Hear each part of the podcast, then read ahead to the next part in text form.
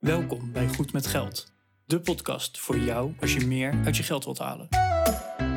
Je financiën op orde of eerder kunnen stoppen met werken? Schuif aan, want hier zijn we goed met geld.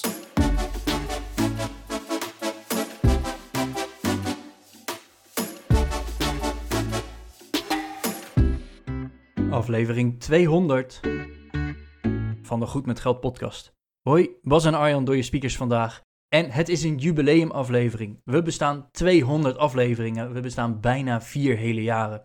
Voor deze aflevering hebben we aan jullie, onze luisteraars, gevraagd van... Hey, stuur nou eens vragen op waar jullie antwoord op willen hebben van ons. En dat hebben jullie best wel flink gedaan. We hebben dus vandaag een hele aflevering vol met jullie vragen die wij beantwoorden. Dus ik hoop dat jouw vraag er ook bij zat. Heb je nu nog een vraag? Stuur hem vooral in. Uh, we kunnen er altijd nog een hele aflevering van maken. En voor nu heel veel plezier met deze jubileumaflevering. Goedemorgen Arjan. Hey Bas, goedemorgen. Ja, hey, uh, gefeliciteerd. gefeliciteerd. Door elkaar. Dit krijg je als je niet in dezelfde studio opneemt, maar als je dat remote doet. Dit is wel heel mooi. Dit hebben we dus niet met elkaar afgesproken, maar we feliciteren elkaar toch. Aflevering 200. Ja, het is echt... eh, ja, de tijd vliegt. We zijn alweer bij aflevering 200. Arme microfoon. Ja, de- mijn microfoon gaat nog geen twee- 200 afleveringen mee hoor. Ik heb hem in de tussentijd vervangen. Ik verslijt zelfs microfoons. Nou, dan heb je het gedaan hoor. Zo. Ja. Oké. Hey, ehm, Bas, voor aflevering 200. Wij vinden het altijd leuk om wat, eh, wat speciaals te doen. Aflevering 100 hebben we een aantal van onze gasten nog een keer uitgenodigd. Nou, dat hebben we nu niet gedaan. Eh, we hebben nu, oh jullie, hè, onze luisteraars, hebben we gevraagd van... Hey, als je nou een vraag voor ons hebt, zet die gewoon in de app, in de Instagram, in de mail, waar dan ook. Eh, zorg dat die vraag bij ons komt. En eh, dan gaan wij het daarover hebben. En dat hebben ze massaal gedaan. Ja, we hebben echt een hele lijst met vragen. Dat is echt, ja, ik, het verbaast me dat er zoveel vragen toch uit zijn gekomen eigenlijk. Eh, we hebben ze onderverdeeld in een aantal kopjes, dus we, hebben ze wat gecategoriseerd. Ja. Om er toch nog een beetje logisch verband in aan te brengen. Maar goed, eh, die, eh, die vraag gaan we allemaal behandelen vandaag. Ja, en dan hebben we het inderdaad over de vier onderwerpen eh, die, waar, waar we de vragen in verdeeld hebben. Zijn geld, pensioen, ondernemen en, en persoonlijk. Er zitten ook persoonlijke vragen in. Dus dat, Oeh. eh, ja.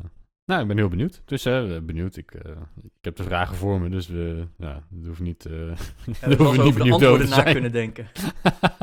maar ik ben wel benieuwd over ja, wat, wat, het, wat het gaat worden in deze aflevering. Dus dat is wel, dat is wel leuk. Ja, dus, maar goed, we hebben eh, best wel wat vragen, dus laten we meteen van start gaan, Bas. Ja. Ja, een van de eerste vragen is, hoe is jullie geld verdeeld in percentages en zijn jullie daar blij mee? Hmm. Ehm, ja, ik, ik ga er hier gewoon vanuit dat het hè, van hoeveel van mijn geld zit dan in crowdfunding bijvoorbeeld en in aandelen, dat soort dingen. Dus Mhm. nou, ik heb mijn, eh, mijn administratie er even bij gepakt. Nou, ik, ik ben natuurlijk ooit heel erg begonnen met crowdfunding. Dat was ooit een keer eh, 80% geloof ik zelfs wel. Oh, wauw. Ondertussen heb ik dat teruggebracht naar eh 39%. Dus 39% van mijn eh, vermogen zit in crowdfunding, crowdlending Ja. eigenlijk.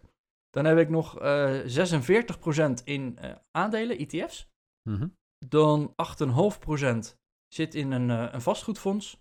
Ik heb nog 1,5% dat zit in, eh, eh, ja, aan, of tenminste, dat, dat is een investering waarmee ik ook CO2 probeer te compenseren, dat soort dingen. Dus eh, dat vind ik zelf ook wel belangrijk, dat, er, hè, dat het ook nog iets goed doet voor de wereld. Dus daar zit een klein beetje in. En een, ja, wat is het? 5% in gewoon cash.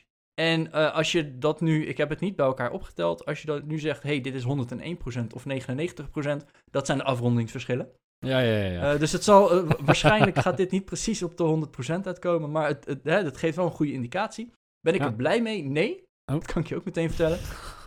Ja, in de afgelopen tijd eh, waren er wat leuke investeringen dat ik dacht, hey, daar wil ik graag aan meedoen. ja. Dus mijn, mijn cashpotje is best wel geslonken.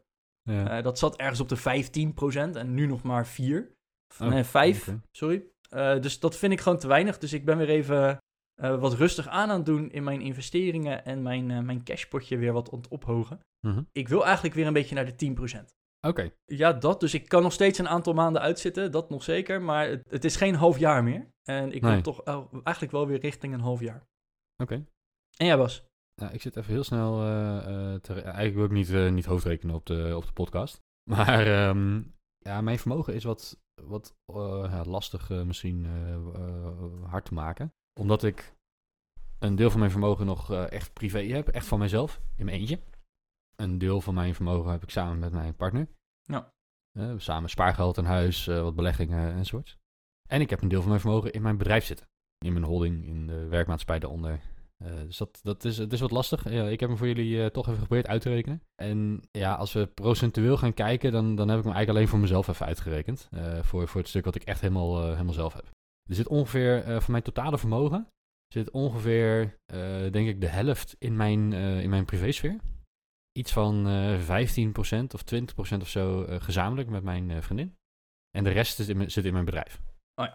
Ja? Dus dat is, een, dat is ongeveer, ongeveer de verdeling. En het is wat lastig hoor, want, want hoeveel, is, hoeveel geld zit er nou in je bedrijf? Ja, geld op de bank, dat is makkelijk. Maar ik heb ook nog klanten die mij nog moeten betalen. Dat noem je debiteuren.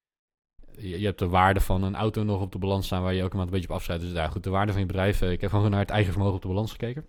Plus de winst in het lopende boekjaar. En dan, eh, dat, dat is ongeveer de waarde die ik vind eh, dat, mijn, eh, dat er op dit moment in mijn bedrijf zit. Ja. Stel dat je moet liquideren, dan is dat hopelijk wat je te gelden kunt maken. Bij gebrek aan een betere berekening. Puur even kijkend, hè, omdat het deel dat ik echt helemaal zelf privé heb toch wel het grootste gedeelte is. Kijken we daar even naar de, de, de verdeling cash, aandelen, vastgoed en overig. Eh, en dan zit ongeveer eh 59 of 60 procent in vastgoed. Dus dat is best wel veel. Ik heb best wel een aardige exposure richting vastgoed. Daarvoor heb ik de, de waarde van het pand genomen, de hypotheekwaarde daarvan afgetrokken. En dan, eh, dan kom je op een bepaalde, bepaalde waarde uit. Zeg maar zo'n eh, zo'n 60 procent. Iets van 31 procent zit in aandelen. 12 procent, nee, wat zeg ik? Niet 12 procent. Nee, minder. Eh, moet ik even naar een goede getalletje kijken. 5 procent zit in cash. En dan nog een paar procent overige. Toch dat tientje in je portemonnee meegeteld, hè? Eh, nee, nee, die zit niet in. Zo, zo gedetailleerd hou ik het niet meer bij.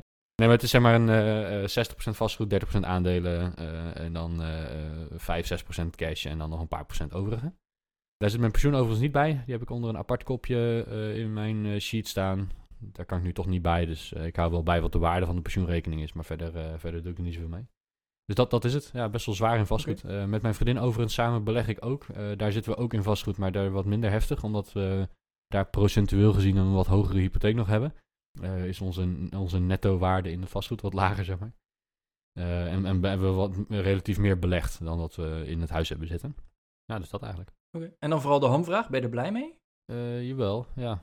Ja, ik zou uiteindelijk... Ja, ben je er blij mee? Het is heel moeilijk. Ik zou... er zit best wel veel in mijn bedrijf opgesloten waar ik gewoon nog niet bij mag. Dat is een fiscale constructie. Als je van een eenmanszaak naar een BV gaat, kan je dat op een aantal manieren doen. Nou, de manier die ik heb gekozen is fiscaal gezien aantrekkelijk. Alleen je kunt dan de, de waarde van de eenmanszaak die je inbrengt, mag je drie jaar lang niet naar privé halen. Terwijl het eigenlijk gewoon netto privégeld is. Oh ja. Nou, ik zit nog niet aan die drie jaar, dus ik, mag dat, ik kan dat nog niet eruit. Dus ik kan wel geld naar privé halen als salaris of als dividend, maar nog niet. eh, er, zit gewoon, er zit gewoon cash in het bedrijf. Die ik gewoon eh, zo doenk één op één belastingvrij naar mezelf kan halen, omdat ik er al een keer inkomstenbelasting over heb betaald in de eenmanszaak. Ja. Eh, maar dat mag pas eh, drie jaar na oprichting. En dat, heeft, eh, dat is de consequentie van nou, die fiscaal vriendelijke omzetting, zeg maar. Dus eh, ben ik er blij mee. Ja, ik zou nog wel het vermogen naar privé willen halen. Aan de andere kant denk ik, van, ja, ik kan dat geld in het bedrijf ook gebruiken om, eh, om te groeien. Dus Ja. ja, ik ben over het algemeen wel blij mee. Ja. Oké. Nou, mooi. Volgende vraag. Wat is jullie laatst verzonden eh, slash betaalde tikkie? Vind ik een hele leuke vraag. Ik heb echt even een mooie moeten vraag. kijken. Bas, wat, eh, wat is het? Ik heb werkelijk geen idee. Ik denk dat het het voorschieten van een gezamenlijk betaald cadeautje is geweest binnen de vriendengroep. Oké. Maar dat is een poosje geleden. Ik, ik stuur niet zo heel gek veel tikkie. Oké, nou dat, dat komt straks bij mij op een volgende vraag. Maar goed, mijn eh, laatst verzonden tikkie is eh, uit eten met collega's. Ja, dat ga ik niet in mijn eentje kunnen betalen. We waren Nee, met z'n is waar. vijftien of zo, dus dat eh, Oh. prima om voor te schieten, maar daar stopt het ook wel. Net even en mijn laatst betaalde tikkie was het tikkie voor de wintersport. Oh, oké. Ook weer door iemand betaald. En Ja. die moest afgetikt worden. Hé, hey, maar Bas, ben jij een... ik stuur wel een tikkie of ben jij een... laat maar. Is helemaal goed. Dat hangt van de situatie af. Eh, als we met de vriendengroep een hapje gaan eten en ik kook, dan haal ik boodschappen in huis en dan ga ik lekker koken en wijn en zo. Dan ga ik geen tikkie sturen omdat ze bij mij eh, eten. Dat vind ik zo flauw. Ja. Als er inderdaad een eh, uit eten is en dat wordt voorgeschoten, of we gaan met de groep een eh, weekend weg of zo, dan, dan verdelen we de kosten wel.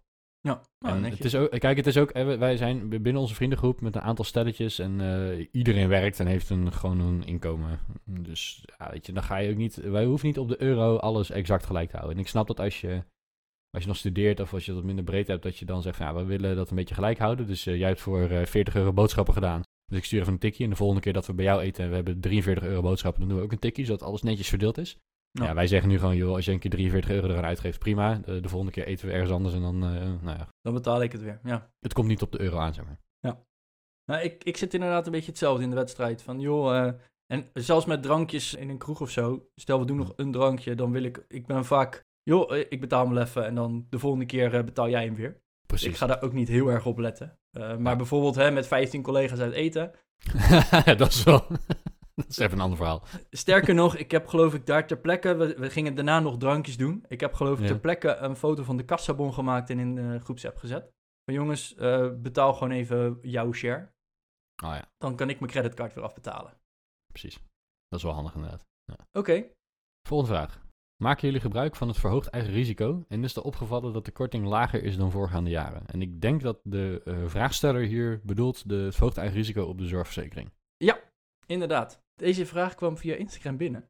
En ik moet zeggen, ik heb de afgelopen twee jaar geen gebruik gemaakt van het verhoogd eigen risico. Daarvoor wel en vanaf komend jaar ook weer, want het, het wordt best wel veel duurder.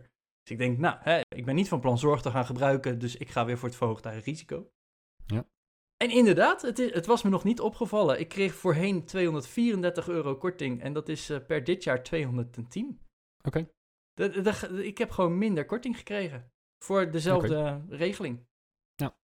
Ik maak wel gebruik eh, van het eigen, verhoogd eigen risico, eh, omdat ik gezond ben. Ik heb laatst, ik heb één keer wat medicijnen via de huisarts gekregen. Daar moest ik een paar euro voor lappen. Nou, die gaan dan van je eigen risico af. Oké, Ja. dat is eh, nou, prima, best. Maar die had ik anders ook. Dat was niet, eh, wat, eh, je hebt sowieso 350 euro of 385 euro. Je hebt sowieso 385 euro. Nou, ik zit Ja, daarom. Nou, daar, daar zat ik lang niet aan. Dus ik had het hoe dan ook zelf moeten betalen. Maar goed, ik heb het, verhoog, het maximaal verhoogde eigen risico, inderdaad. Ja, en ik denk dat ik dat volgend jaar weer doe. En het was mij niet opgevallen dat, dat de korting lager is dan de voorgaande jaren. Ik eh, heb niet nagekeken. het, het wordt allemaal duurder. En dus gaan meer mensen het verhoogd eigen risico inschakelen. Dus Hmm. ja, dan, dan moet toch ergens geld gecompenseerd worden. Dus ik denk dat het daarom ook is. Ja. En je kan natuurlijk zelf altijd even berekenen hè, van hé, hey, wat is het kantelpunt? Sowieso, het eigen risico moet je altijd zelf betalen. Dus die eerste 385 euro, die moet je zelf sowieso lappen. Ja, en als je dan inderdaad nog een vrijwillig eigen risico hebt, dan, eh, nou dat kan per 100 euro geloof ik. Dus eh, je krijgt wat korting. Maar dan moet je dus bij een hogere rekening meer zelf gaan betalen. Dus nou, hè, ik krijg nu 210 euro korting. Mhm. Ja, als ik dus een rekening krijg van in totaal 500 euro, dan ben ik alsnog goedkoper uit. Want 385, dan nog Ja, 115 die had je euro die ik extra zelf überhaupt ook nog moet betalen. Terwijl ik Ja. wel 200 euro korting had. Dus er zit ergens een kantelpunt dat het inderdaad goedkoper is of duurder is. Het verschil zit hem vooral in eh, het verhoogd eigen risico, minder korting die je krijgt. Dat kan je mo- mogelijk duurder uit zijn per jaar. Ja. ja, als je dat kan betalen, dan is het niet zo'n heel groot probleem, denk ik. Nee, en wat je, wat je natuurlijk even doet in december is dat je kijkt van, maak ik gebruik van eh, nou een soort, eh, ja, bij gebrek aan een beter woord, doorlopende zorg. En ga ik elke twee weken of elke vier weken naar een zorgverlener eh, waarvoor ik een deel zelf moet betalen.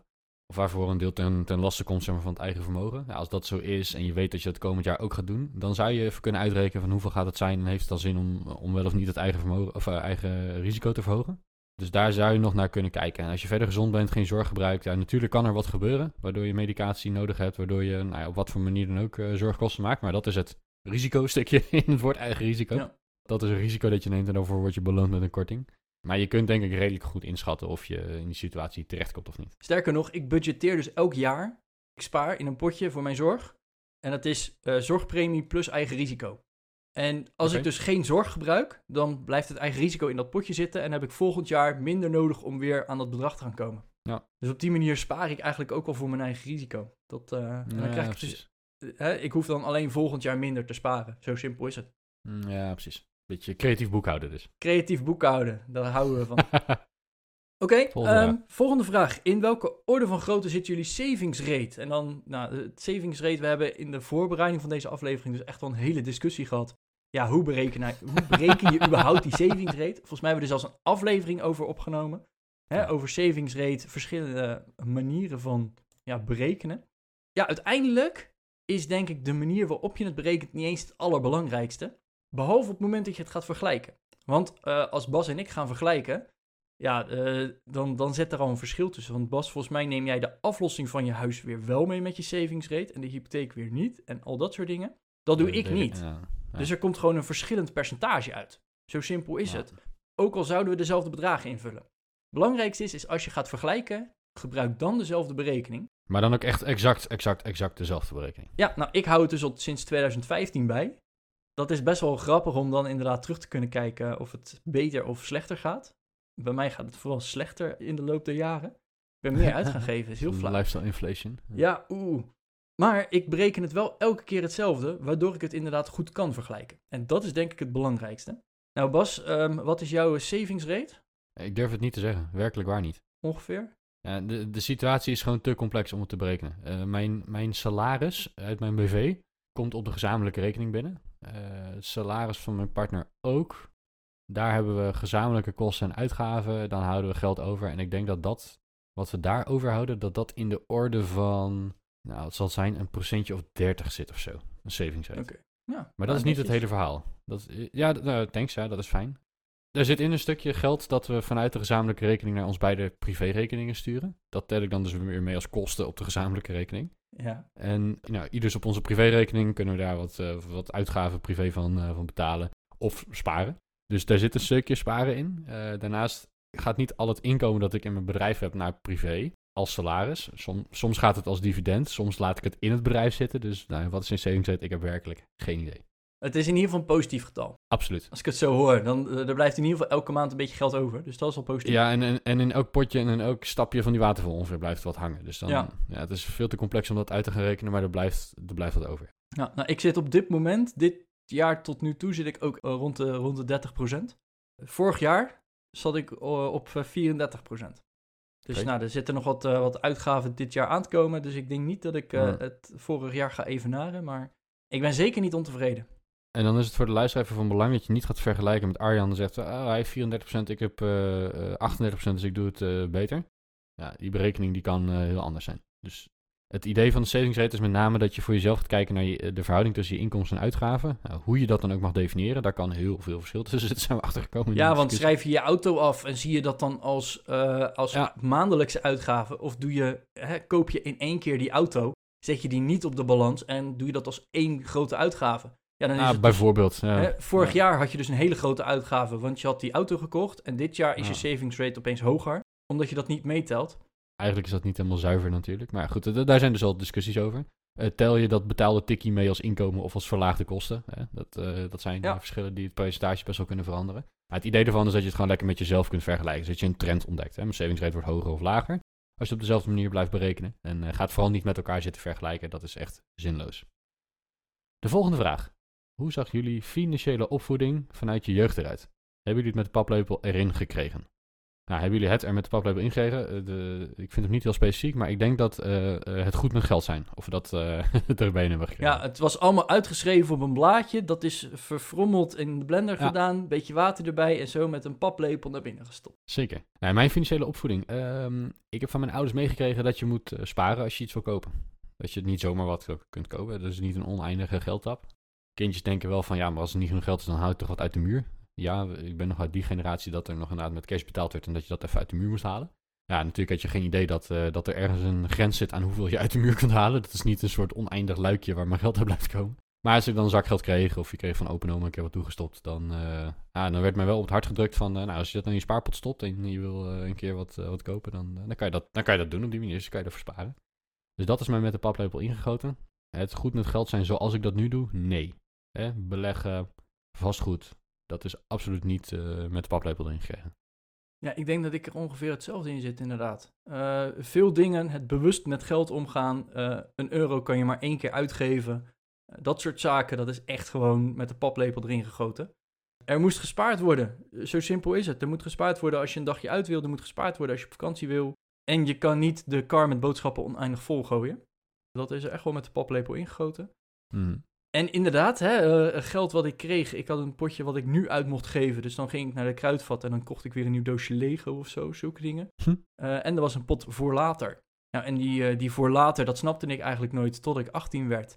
En een rijbewijs wilde halen. Nou, dit was wel echt voor later. Hè? Een, En een daar stond, rijbewijs. er stond ineens een pot geld natuurlijk. Daar stond opeens een pot geld en daar heb ik mijn rijbewijs van kunnen kopen. Ja. Tenminste, van Nice. kunnen betalen. Ik, eh, ik ben niet naar de zwarte markt gegaan en eh, heb een pasje laten, laten, laten maken voor mij. Maar Ja. daar heb ik in ieder geval mijn rijlessen van kunnen betalen. dat was voor mij wel de eye-opener meteen ook van... hey, dit is voor later, voor dingen sparen. Hier heb ik heel lang voor gespaard. Maar nu kan het opeens ook wel gewoon.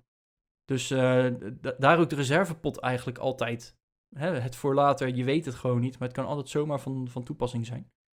Maar inderdaad, het investeren en, en dat soort dingen, dat, uh, dat ben ik vooral zelf uit gaan zoeken. Oké. Tot zover het kopje geld, Bas. Ja. Ik, uh, ik vond leuke vragen in ieder geval. Ja, ga door. Ga door. Pensioenen. Nou, dat is echt. Het, nee, dat, ik vind het nog steeds een heel leuk onderwerp. We hebben natuurlijk al meerdere afleveringen er ook over opgenomen. En we zijn alweer nieuwe aan het plannen ook. Daar gaat nog meer over komen. Maar we hebben in ieder geval een vraag gekregen. Uh, hoe kom je aan informatie over de vrije ruimte in je pensioen? Hè, wat, je, wat je in mag leggen. En dan voornamelijk als ZZP'er. En waar halen wij ons, onze info nou vandaan? Dat is het belangrijkste. Nou, ik denk dat ik die even oppak. Uh, daar heb ik wat ervaring mee. Uh, ten eerste, uh, als ZZP'er is niet een ding. mensen, stop alsjeblieft met... Ik heb me ingeschreven als ZZP'er. Dat kan niet. Bestaat niet. Kappen. Niet doen. Je bent een ZZP'er, maar dat kan zijn in een eenmanszaak, in een BV, in whatever. En dat maakt het antwoord op deze vraag nogal anders. Dus je bent niet ZZP'er, je hebt een eenmanszaak of je hebt een BV of whatever. Dat wilde ik even... Ik, ik word er allemaal... ik weet niet is, het is niet waar. Je bent niet ZZP'er. Je kunt... Nou goed, we houden er wel op. um, uh, we gaan er even vanuit dat de vraagsteller een eenmanszaak heeft. Dat Ja. geldt voor, uh, voor de meeste ZZP'ers. Die hebben een eenmanszaak. En als eenmanszaak heb je als het goed is een omzet. Je stuurt je klanten rekeningen. Uh, je zal ongetwijfeld wat kosten hebben. Dingen die je inkoopt, je verzekeringen misschien, nou, noem maar op. En dan blijft er winst over. En die winst is jouw persoonlijke inkomen. Als ondernemer in de eenmanszaak. Of als inkomstenbelastingondernemer, IB-ondernemer, zo noemen ze dat dan. De vrije ruimte voor je pensioen, die werkt eigenlijk hetzelfde als voor mensen die in loondienst zijn. Namelijk, er is een, uh, er is een bepaald bedrag dat je, uh, nee, er is, ja, er is een bepaald uh, jaarinkomen. Dat is het maximaal pensioengevend salaris. Als je daaronder zit, dan is jouw jaarinkomen je pensioengevend salaris.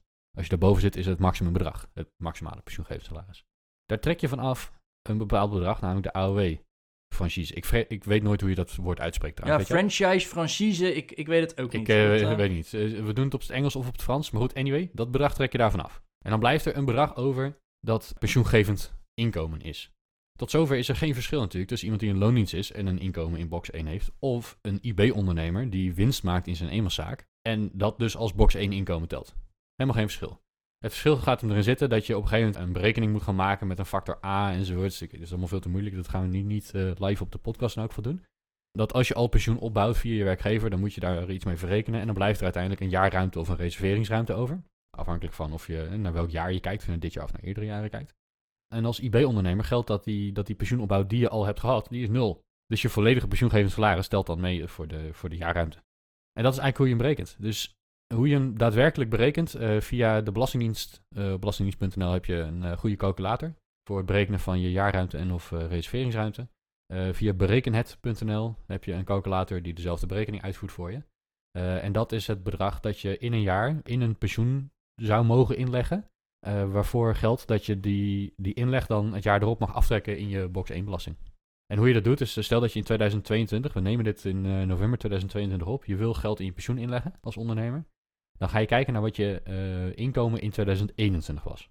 En op basis daarvan bereken je hoeveel je in 2022 mag inleggen. Ja, en in 2023, met je inkomstenbelasting 2022, dan kan je het invullen hoeveel je hebt overgemaakt en dan krijg je daar weer een ja. deel over terug. En wat daarvoor van belang is, dat geld, dat geld moet je ook echt in 2022 hebben ingelegd in die rekening.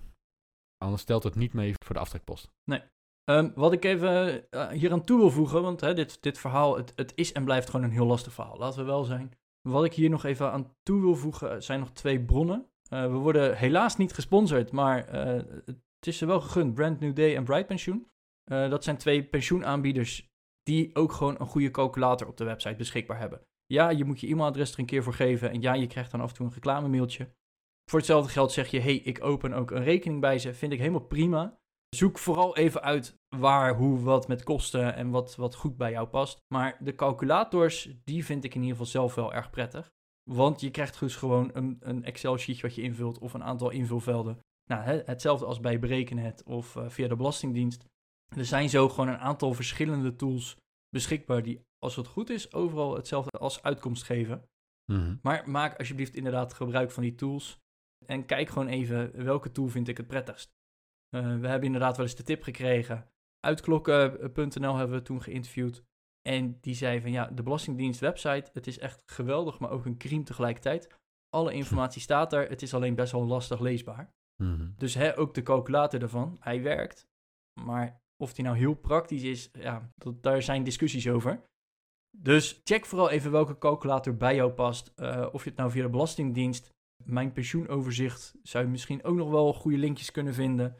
Wijzer in geldzaken, die heeft ook nog een calculator, bereken het. Maar ook de verschillende pensioenaanbieders. Ze willen je allemaal erbij helpen, dus eh, check vooral even die verschillende websites. Ja, dat is hem eigenlijk. En dat was eigenlijk de enige pensioenvraag die we hebben gekregen. Dus we gaan lekker door naar het kopje ondernemen. En daar komt een vraag die er een beetje op lijkt. Eh, hoe start je op als ZZP'er? Nou ja, daarvoor geldt ook weer. Je wil waarschijnlijk diensten gaan leveren. Nou, technisch gezien is het rijden naar de KVK, eh, schrijf je in en je hebt een onderneming, toch? Eh, ja, ja, je moet van tevoren aanmelden en dan moet je een aantal formuliertjes eh, online invullen. En volgens mij, toen ik dat deed, moest je inderdaad nog echt naar de Kamer Verkoophandel. Of tegenwoordig kan het misschien volledig digitaal, dat weet ik eigenlijk niet. Het is niet meer rijden, het is surfen. Ja, nou, als je een eenmanszaak gaat oprichten, dan eh, moet je ook voor bij de Kamer van Koophandel aanmelden. En, eh, en wel of niet naar de KVK fysiek toe, dat weet ik eigenlijk dus niet of dat nodig is. Eh, destijds wel, misschien tegenwoordig niet meer. Dat durf ik niet te zeggen. Nee. En als je een BV gaat oprichten, doe je dat via de notaris. Dus dan, dan maak je een afspraak bij de notaris, dan wordt de BV opgericht. En dan schrijft de notaris jouw BV in bij de eenmanszaak. Dus dat is eigenlijk hoe je opstart. Maar ja, dat is, dat is allemaal administratief gezien. Wat veel belangrijker is natuurlijk, is ga eens iets verkopen. Stop met winkeltjes spelen en ga dingen verkopen. Dat, is, eh, dat zou mijn advies zijn. Eh, dus, dus hoe start je op? Eh, nou, schrijf je in. Hoe zorg je dat het, het loon uit loondienst het waard maakt? Ik denk dat de vraagsteller bedoelt... ik heb een loon uit loondienst en ik wil minimaal datzelfde loon gaan verdienen als, als ondernemer. Ja, hoe zorg je daarvoor? Door, door jezelf te verkopen. Zo simpel is het. En zonder meer informatie over wat je doet en hoe je het doet... is het heel moeilijk om daar een, een advies op te geven. Maar, maar ga je zelf verkopen. Kijk, als jij een skill hebt die gewild is in de arbeidsmarkt... Ja, dan is het makkelijk om als ZZP'er je geld te verdienen. Denk ik. Ja, dat lijkt me wel. Eh, iedereen heeft je nodig, dus eh, Ja, dus dat is eigenlijk... eh, ga, je, ga jezelf verkopen. Verkoop jezelf eens... of jouw diensten of maak er een product, weet ik veel. Stel, je maakt websites en je kunt vet goed websites maken. Dan kan je dat in loondienst doen. Dan ben je webdesigner en dan krijg je een salaris. Ja, je kunt ook zeggen, nou, ik, eh, ik ga allerlei bedrijven hier in de omgeving eh, ga ik vertellen dat ik webdesigner ben. En eh, in plaats van dat ik een salaris heb als webdesigner en in loondienst ergens ben om de boel op te zetten en te onderhouden, kan ik misschien wel voor meerdere klanten een website bouwen als project. En dan kan ik zeggen, het, het kost zoveel om een website te bouwen. En dan stuur je een rekening als je dat hebt gedaan en dan kan je ze misschien in onderhoud nemen.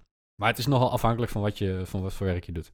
Dus de tip is, ga jezelf verkopen. En, en misschien is het leuk om gewoon eens klein te beginnen. Eh, je mag tegenwoordig, eh, eh, tenminste mits je niet concurreert met je werkgever en andere rare dingen doet, mag je neveninkomsten hebben. Dus ga het gewoon eens proberen om naast je baan jezelf te verkopen. Ga eens kijken of dat je lukt. Of je projectjes kunt verkopen, of je uurtje factuurtje iets kan doen, kleinere klusjes kan doen naast je, naast je gewone werk. Ja, en als dat lukt en het bevalt je goed en het gaat heel makkelijk, nou, dan kan je die stap nemen om, om jezelf echt in te schrijven. ja, een begin vooral, inderdaad. Dat is denk ik het belangrijkste. En eh, als je nee krijgt, dat kan ook, durf dan ook eens te vragen van, hé, hey, waarom niet? Hè? En dat kan dan zijn, hey, het komt nu even niet uit, budget is er niet, bla bla bla. Maar het kan ook gewoon zijn, ja, je bent te duur, je bent niet ervaren genoeg, of eh, we hebben iemand anders die beter is.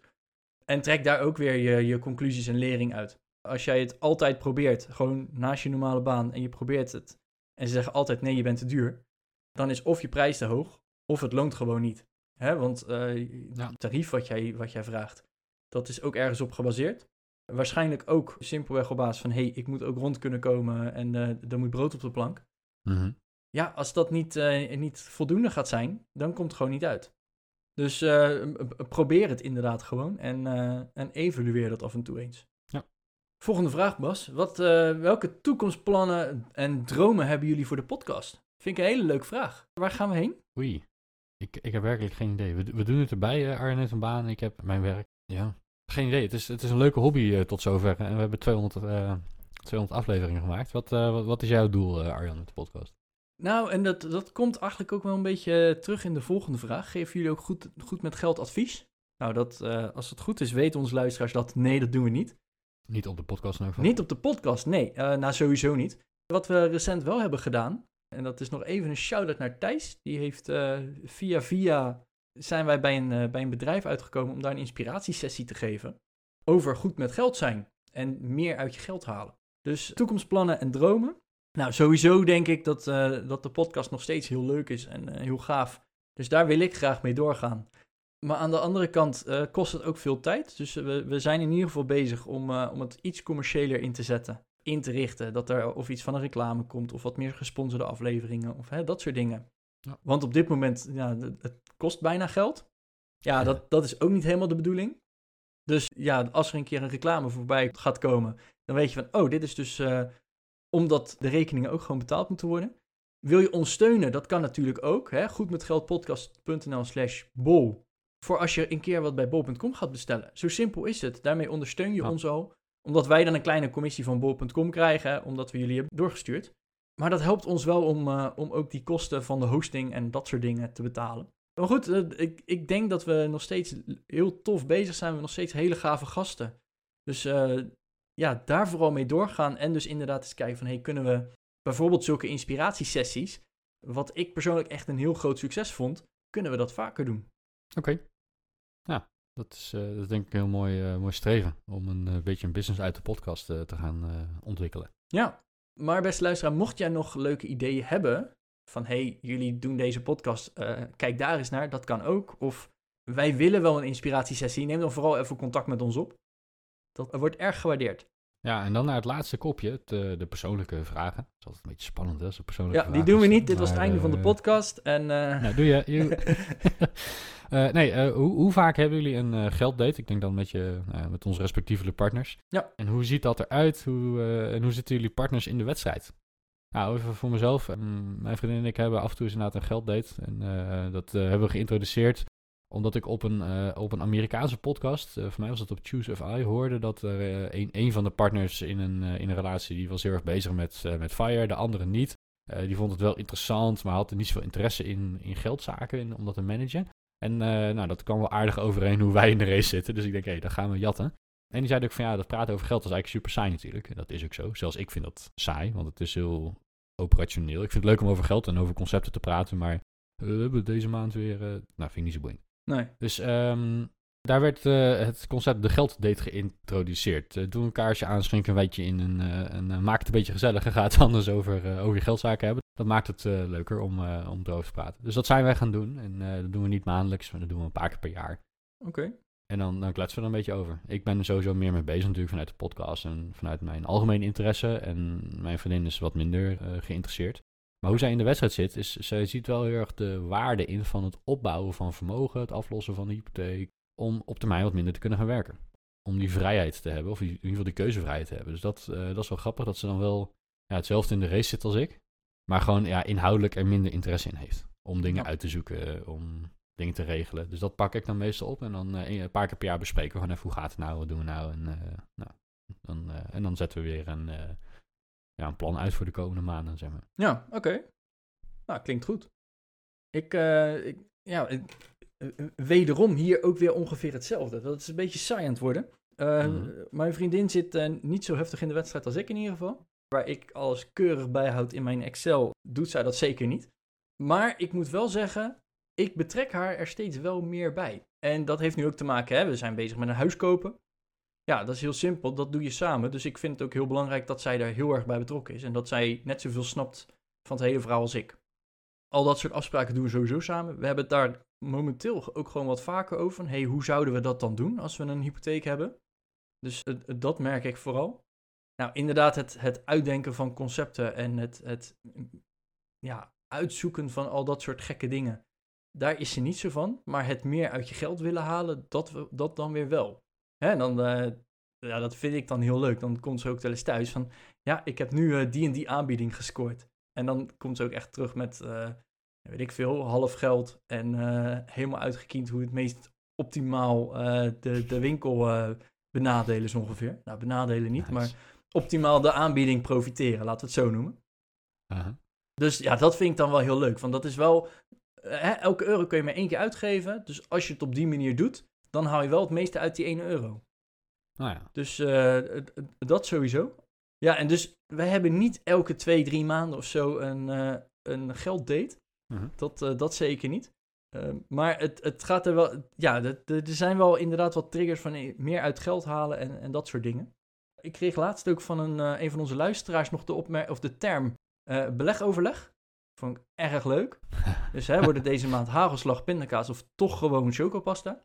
Nee, eh, belegoverleg, hè, hoe ga je, ja, weet ik veel, je, je cash investeren? Ga je je huis aflossen? Ga je toch weer ETF's kopen? Of laat je het lekker op de bank staan? Ja, doe dat Mhm. gewoon af en toe eens. En eh, ik, ik merk dat het, ja, wij plannen het niet. Maar af en toe is het gewoon, ja, maar hoe zit het dan? En dan nemen we er gewoon even een uurtje voor en dan gaan we daarna weer verder. Oké.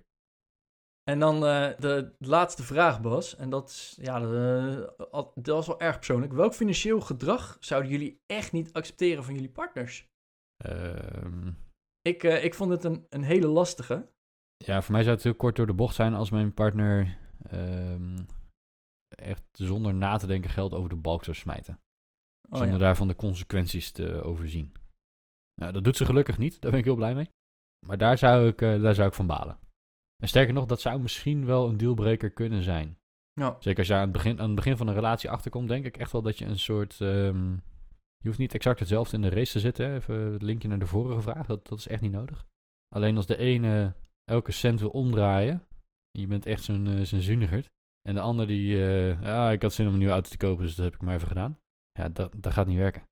Dat, ik, ik geloof niet dat dat bestaat, dat het, dat het kan werken. Dat je op een gegeven moment wil je gaan samenwonen, samen misschien een huis kopen, ik, je financiën gaan combineren. Dan moet er enigszins een, een eh, hetzelfde soort doelstelling in zitten. Niet exact hetzelfde, maar in ieder geval dezelfde richting op bewegen. ja, de neuzen moeten dezelfde kant op staan. Ja, en ik ben echt niet de zuiniger die elke cent omdraait. Absoluut niet. Maar ik denk wel dat je in grote lijnen doelbewust moet zijn met je, met je financiën. En als je partner maar wat doet, en als het dan over tientjeswerk gaat en je kunt het leiden, dan maakt dat niet uit. Maar als het echt grote beslissingen zijn, dat zou ik heel slecht trekken. Nou, dat, eh, ik, ik wil er in ieder geval aan toevoegen. Hè. Je hebt ook wel eens eh, te maken met gokverslavingen, dat soort dingen. Ik denk dat ik dat eh, wel erg lastig zou vinden. Ja. En ehm, als jouw partner bepaalde verwachtingen heeft op financieel gebied, van hé, hey, ik, ik verwacht toch voor mijn verjaardag minimaal een cadeau van dat bedrag. Of hè, dat moet altijd maar groot, groter, grootst. En jij moet bijvoorbeeld alles betalen. Een, een half over het paard getild persoon. Ik denk dat ik dat ook niet zou waarderen. Hm. Zeker niet het geval trouwens hoor. En eh, ik, ik wil ook, dat, dat bedacht ik me nu net met het antwoorden van, van jouw vraag. Eh, hoe zit jouw partner in de wedstrijd? Mijn, eh, mijn vriendin heeft van haar ouders geleerd, en die vind ik eigenlijk ook wel erg mooi. Koop iets, hè, en dan gaat het vooral om dure dingen. Koop iets pas op het moment dat je er twee van kan betalen. Oh, nice. En hè, dat gaat dan om eh, dure zonnebrillen, dure auto, of een auto überhaupt. Hè. Eh, natuurlijk, je kan al je geld bij elkaar schrapen om een autootje te kunnen kopen. Maar als er dan iets mee is, of er gaat wat kapot, of weet ik het wat, heb je meteen een probleem. Mhm. Ehm, dus ik, ik vond dat wel een, eh, een mooie wijsheid. En die, Ja, nice. die roept zij ook nog met regelmaat. Dat, dat waardeer ik ook wel erg. Dus het sparen voor dingen, dat zit er ook gewoon bij haar in. Mhm. Wat dus inderdaad ook maakt dat wij met de neus dezelfde kant op staan. Ja, nice. Dat is, eh, dat, is, nou, dat is wel belangrijk, denk ik. Eh, zeker. Dat, eh, ja. Ja. Cool. Ik ga die onthouden. Pas iets kopen als je er twee van kan betalen. Nou is dat bij een huis wat lastig. Tenminste voor mij. Mm, Jij hebt er al twee. Ja. Maar hey, je, je snapt wat ik bedoel. Stel je wil een nieuwe computer, ja, dan kan je een, een computer van eh, 10.000 euro bij elkaar samenstellen.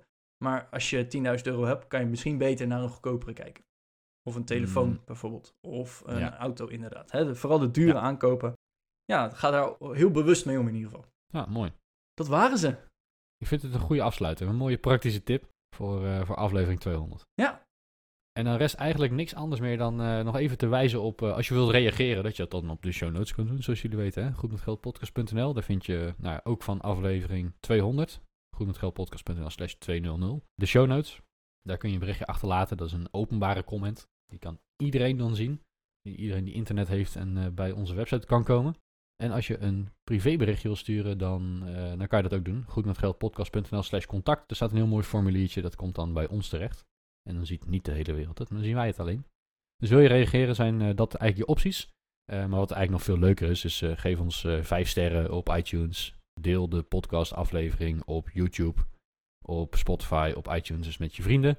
Om op die manier meer mensen goed met geld te maken. Ja, en deze aflevering hebben we heel wat vragen behandeld. Maar heb je nou nog een prangende vraag of moeten we iets uitzoeken? Uh, laat het ook vooral even weten. Want hè, dat is voor ons ook gewoon hele toffe content en, uh, en weer een leuke quest om uit te zoeken. Stuur ons vooral een berichtje goed met geldpodcast.nl slash contact. En ja, dit doen we dus echt al 200 afleveringen, maar uh, we blijven dat ook gewoon doen. Tot volgende week. Tot volgende week.